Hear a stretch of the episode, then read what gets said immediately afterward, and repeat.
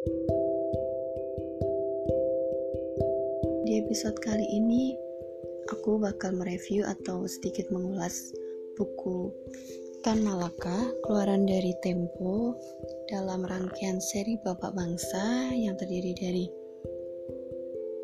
Insinyur Soekarno, Hatta, Syahrir, dan Tan Malaka. Nah, kali ini aku bakal mereview buku Tan Malaka, Bapak Republik yang Dilupakan.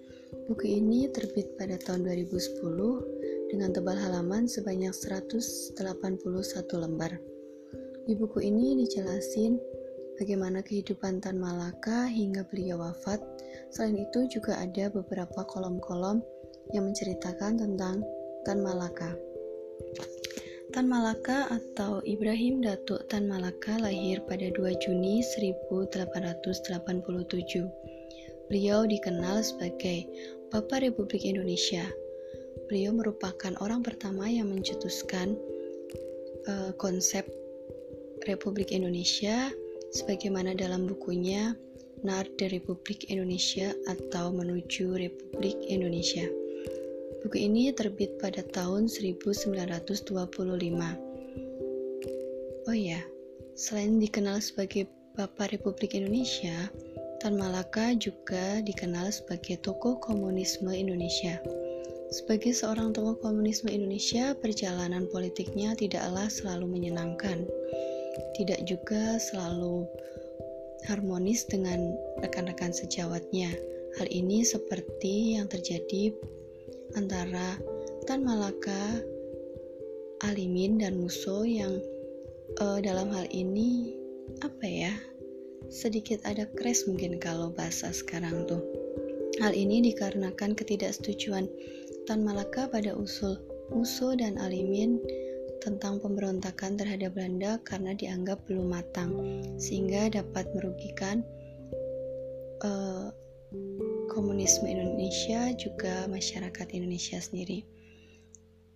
Dalam buku ini dijelaskan bagaimana kehidupan Tan Malaka sebelum kemerdekaan dari beliau tinggal di Belanda, kemudian kehidupan beliau dalam pelariannya selama ini.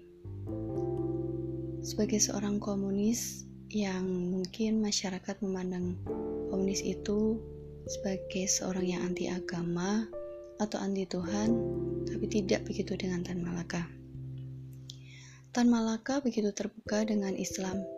Di sini digambarkan bahwa Tan Malaka mengusulkan adanya kerjasama da uh, dalam artian keselarasan antara Partai Komunis Indonesia dengan Serikat Indonesia dalam hal kemerdekaan Indonesia demi melawan Belanda. Karena menurut Tan Malaka sendiri uh, kepentingan dari komunisme Indonesia dan pan-islamisme itu pada dasarnya adalah melawan imperialisme sehingga mereka harus bekerja sama untuk mewujudkan hal itu.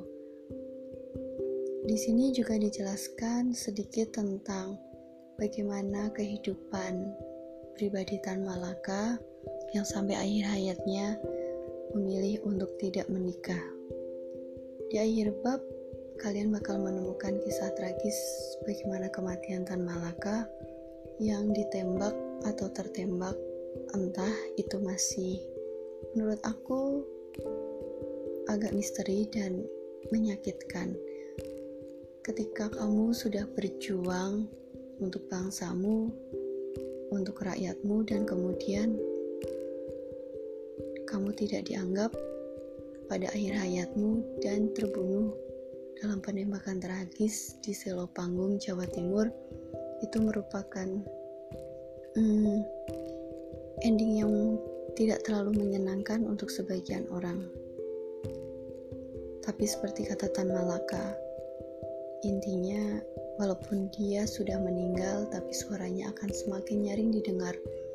Hal ini pun dibuktikan dari banyaknya literasi yang menggambarkan bagaimana Tan Malaka salah satunya dari seri buku Tempo. Buat kalian pemuda-pemudi uh, yang kepo atau yang cinta tanah air, yang pengen banget menemukan rasa nasionalisme lebih, kalian bisa baca buku seri buku Tempotan Malaka ini. Kalian bisa beli di offline maupun online store. Atau kalian juga bisa pinjam di Ipusnas. Nah, di Ipusnas ini kalian cukup download dulu aplikasinya.